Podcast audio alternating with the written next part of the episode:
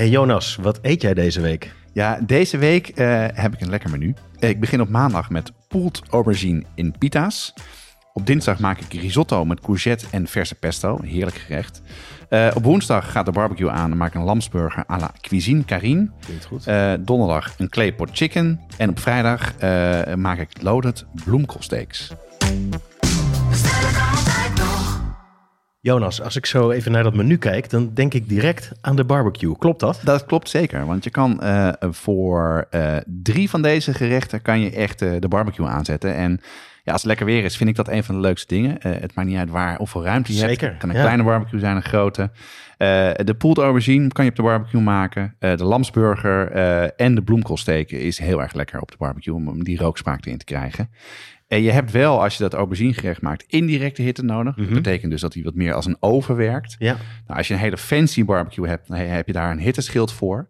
Heb je een wat simpele barbecue, dan is eigenlijk de, de, het, makkelijkste om één eh, gedeelte geen kolen te zetten en het andere gedeelte wel. Dan, dan is er wel die rooksmaak Ja. en de hitte, maar er is niet die, die directe hitte, die, die stralingswarmte Van die van onder komt. Ja, precies. Hey, pulled pork, pulled chicken, eh, kan ik me van alles bij voorstellen. Maar wat is pulled aubergine? Leg dit even aan me uit. Ja, dat is ook waarom ik, er, waarom ik erop kwam. Het is een gerecht van Annie Panni. Eh, dat is een hartstikke leuke site. Annie is een hele leuke meid ook die onwijs veel met eten doet. En ik bleef er een beetje op hangen, want dat leek me wel interessant. Wat zij heeft dat zelf bedacht. En zij maakt dus eh, de, van een aubergine een soort van pulled pork-achtige, eh, Mhm. vezelachtig gerecht. En dat doet ze door dat hij twee keer in de oven gaat. De eerste keer op wat lagere temperatuur eh, door te prikken om hem te garen. Mhm, Ja. En dan pel je hem. ehm, en, eh, en dan is dus de eerste keer lekker om het in de barbecue te doen. Want dan gaat ook die rooksmaak gaat ook dan in, in de aubergine eh, komen. En daarna pel je hem, trek je eigenlijk, en dan knijp je een beetje het vocht uit. Dan trek Ja. je het vlees in, in, in reepjes. Ja. En dat leg je dan daarna, dat kruidje, met, eh met baharat. Dat is een, een soort van, ehm, ja, een, een veelgebruikt kruidenmengsel uit het Midden-Oosten. Ja. Het lijkt een beetje op garam masala, maar dan totaal anders. Maar dat is echt lekker voor dit, dit gerecht. En wat paprika poeder doe je eroverheen gerookt. En dan droog je het eigenlijk de tweede keer in de oven of in je barbecue. Ah, kijk. Ja, Dus ik ik- zat er te denken. Want eh, het wordt niet een soort van zompige massa, maar de- je krijgt wel een soort van gedroogde strips. Of... Ja, dat Ja. is het doel. Dus je krijgt wel qua mondgevoel wordt het wel eh vlezig, Ja. maar het is eh, vegetarisch en het gaat perfect met wat tahin of wat met hummus in een pita. Te gek. Eh, Ga ik heerlijk. zeker proberen. Hey, eh, woensdag maak je hamburgers met lamsvlees. Waarom kies je voor lam? Ik vind lam, zeker als het zomer is, vind ik vaak eh, heel smaakvol. En dit is een recept van Cuisine Carine, een kookboek. Ik krijg ook altijd een beetje herinneringen aan Koninginnedag van vroeger. Ik weet niet, misschien jij ook. Dat je dan eh, de avond van tevoren naar huis fietst en door de hele stad rook je zo de, de barbecue lucht van die heerlijke lamsvlees en die kuftes en dat soort dingen. Zeker. Ja. Dat, dat mag volgens mij niet meer qua voedselwarenwet, whatever. Maar, Ja. eh, en dat heb ik ook vaak in. eh ik vind het heel lekker om te maken. En dit is dus, dit recept maak je, gebruik je lamsvlees voor extra smaak. Ja. Maar je doet in het gehakt enorm veel andere dingen. Dus heel veel verse kruiden als knoflook, munt en koriander. De zest van citroen om het wat, eh, en, en sinaasappel om wat frisser te krijgen. En nog een aantal andere specerijen. Dus het is echt een, echt een smaakbom. En heel lekker om, eh, om te barbecuen. En verder is het dus een vrij simpel gerecht. En het leuke van het, van het recept is dat er heel veel suggesties staan voor het bouwen van je burger. Oké, nu wordt het interessant. Wat voor suggesties dan? Ja, nou, dat is echt heel erg leuk. Want eh, de eerste suggestie is gebruik brioche als brood. Ja. Eh, dat is heel lekker zoetig. En, eh, en nu komt het. Dus de eerste versie is met burrata. Ja. Heel lekker romig. Gefrituurde aubergine en geschaafde botarga. En dat is, dat is een beetje visachtig. dat, is, dat is vis, dat schaaf je, dat is heel lekker erbij. Het tweede is met zeekraal. Met labne, dat is eh, ook een soort van yoghurt.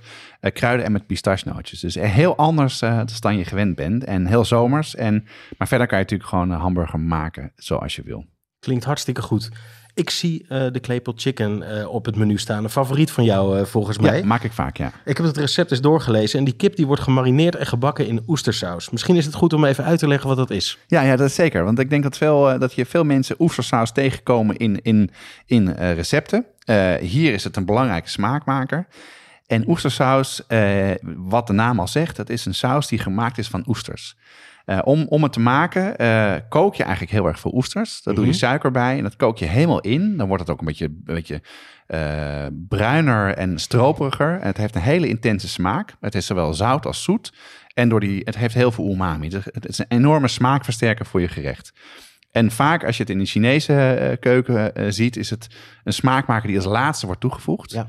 Eh, het is een heel bekend gerecht wat, wat een, van die stripjes biefstuk met broccoli en dat hele lekkere saus eroverheen. Heb je misschien wel eens in een, in een Chinees restaurant Mhm. besteld of gegeten. Maar het is wel heel erg belangrijk om het etiket echt te checken. Want dat heb ik laatst, ik heb een paar potjes naast elkaar gekeken. De bedoeling is dat er heel veel, een hoog percentage aan oesters in zit. En niet per se gist of MSG of, of andere verdikkers, smaakversterkers, et cetera. Oké, ja, nou, ja, dat is dus goed opletten. Maar zoals je het net uitlegde, lijkt het eigenlijk ook wel redelijk simpel om zelf te maken als een weekendproject. Het is, eh, het is als je aan veel oesters kan komen. En Ja. dus eh, we hebben een hele aflevering voor onze andere podcast gemaakt. Wat schaft de podcast over oesters? En daar vertelt Jeroen uitgebreid hoe dat kan. Het is nu even niet het seizoen. Maar als de zomer voorbij is, eh, als de R weer in de maand komt, dan kan je weer, weer plukken. En dan heb je heel snel veel geplukt. Blenden erin, opzetten, zout erbij, misschien wat ketchup of sojasaus. En er zijn genoeg recepten online te vinden om zelf te maken. Dus, Geweldig idee. dus dan Leuk. ga ik eh, binnenkort eh, dit maken, mijn miso kleepot, maar dan met de oestersaus van Jesse. Ja, niet? precies, zeker. Ja, dat komt goed. Jonas, wat is je gerecht van deze week? Ja, deze week wilde ik het in zomerse sferen houden en maak ik een risotto met courgette en verse pesto.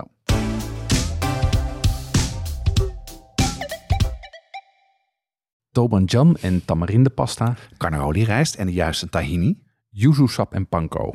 Moeilijk te vinden, zelfs als je een goede speciaalzaak in de buurt hebt. Daarom zijn we heel blij met onze partner Pimenton.be, de webshop voor foodies en hobbycooks. Die bezorgen vanuit België in de hele Benelux voor maar 3,95 euro. Ga naar pimenton.be om te bestellen. Die risotto met courgette en pesto, dat klinkt heel goed. Is, is het een moeilijk recept?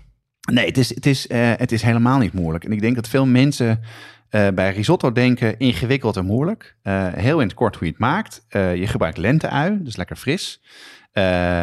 Dus vraag je aan met risotto rijst. En dat, het belangrijke is dat je die niet te heet aanbakt. Ehm, daarna voeg je daar courgettes in blokjes aan toe. wat peterselie. je, dit is in geval een groentebouillon. En dan ga je roeren. En dat kennen de meeste mensen wel. En de truc uiteindelijk is om een beet gaar te krijgen. Dus dat je de consistentie is wat je wil. Het vuur uit te doen. Dan gaat er heel veel parmezaanse kaas doorheen. Dat roer je goed door, zodat het eh, zich helemaal opneemt in de risotto. En dan laat je het even met een deksel of met een theedoek twee minuten staan. En dan heeft het tijd om die, die smaken te krijgen. En het doel is dat daardoor die saus veel, veel romiger wordt. Dien het op op een bord en doe je daar een eh, klein lepel verse pesto overheen. En als je dan gaat eten, roer je dat door. Helemaal top. Ja, dat, dat zijn nou een paar mooie, eh, mooie tips. Maar bij mij wil het nog wel eens mislukken.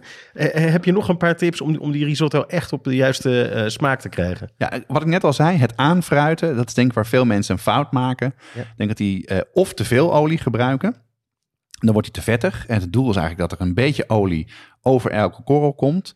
Eh, en dat je het dus niet te heet doet. Eh, Mhm. En je moet het dus met je, met je vinger kunnen aanraken zonder dat het pijn doet. Als je het te heet eh, aanbakt, dan kan die korrel kapot gaan en breken. En dan blijft hij niet in zijn geheel. En wat ik net als laatste al zei, de truc zit hem in de eindconsistentie. Wil je hem heel waterig hebben, dus meer golvend, of wil je hem heel romig hebben? En dit doe je dan in dit geval met de kaas. En Ja. de laatste heeft dus die pesto ook een, een effect. Ja. En het wat romiger maken. En dan heb je dus hele lekkere smaak, goede bouillon en dan een, een goede beet van, van risotto.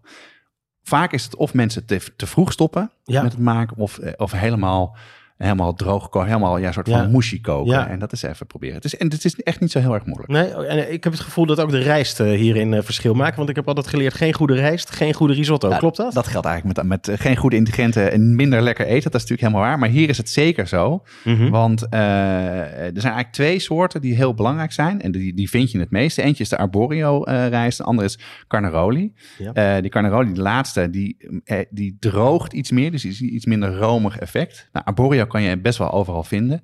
En de truc is, investeer wel even, net even die 50 cent meer of een euro meer in een goede risotto. Zijn gewoon prima in de supermarkt te vinden.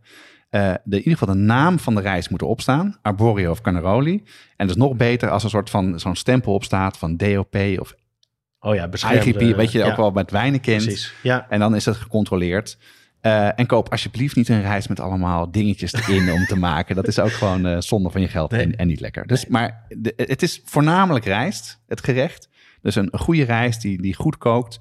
eh, is belangrijk. Dus zeker. Ja, en ik lees ook de, de verse pesto in dit, dit recept. Ehm, kan je daar iets over zeggen? Wat voor pesto gebruik je hiervoor? Ja, dat is dus dat is belangrijk. Ik, ik, pesto gaat er rauw op. Hè? Dat kook je dus niet mee. Dat is heel belangrijk. En wat, het, het geeft dus is een hele rijke smaak. En dat Ja. maakt het ook heel smaakvol en, en, en zomers en smeuig. Ja, En ik zou zelf zeggen, eh, kopen, gebruik niet uit een potje. Want dat is heel vaak veel intenser en bitterder. bitter, en een ja. beetje Ja, soort precies. tranig vind ik het vaak. ja, Eh, dus kijk of je het vers kan kopen. Maar nog belangrijker, het is heel erg makkelijk om zelf te maken. ja. Het is namelijk niks anders dan basilicum eh, met olijfolie en pijnboompitten in een vijzel of in een blender. En dan ben je klaar. En je kan daarvoor basilicum gebruiken, maar je kan ook er doorheen doen. Eh, je kan ook bijvoorbeeld het, eh, het groene afsnijdsel van, van wortelen kan er ook heel lekker doorheen zijn. En je kan dus daar alle kanten mee opgaan wat je wil. ja. Eh, ja, het is gewoon heel even een receptje zoeken en dat vind je overal. En vanaf daar zelf gaan variëren en je eigen favorieten gaan, gaan ontwikkelen. En dan Ja, merk je gewoon komt dat het dus veel, ja. veel frisser is en veel smaakvoller is dan dat het heel zoutig en heftig is. En dat heeft het recept wel nodig. Dus, maar het kan natuurlijk ook met een potje, maar het is Ja. nog lekker als je het gewoon vers maakt. Pesto komt altijd wel op, is mijn Zeker, ervaring. zeker. Hey, dat was een heel mooi zomers menu en ik doe zeker de barbecue aan eh, deze week. Eh, ik ga zelf die pesto zelf maken eh, en ik denk dat ook die lamsburger op het menu komt te staan. En, en met eigen toppings? Of? Natuurlijk. Het hele menu met links naar recepten staat in de omschrijving van je podcast-app. En als je nou een van deze gerechten van het menu maakt, zet het dan op Instagram en tag ons met bestellen kan altijd nog. Dat vinden we leuk. Dit is een productie van Watschaf de Podcast. Volgende week zijn we er weer met een nieuw menu en een weekgerecht. Wat ook dan geldt, bestellen kan altijd nog.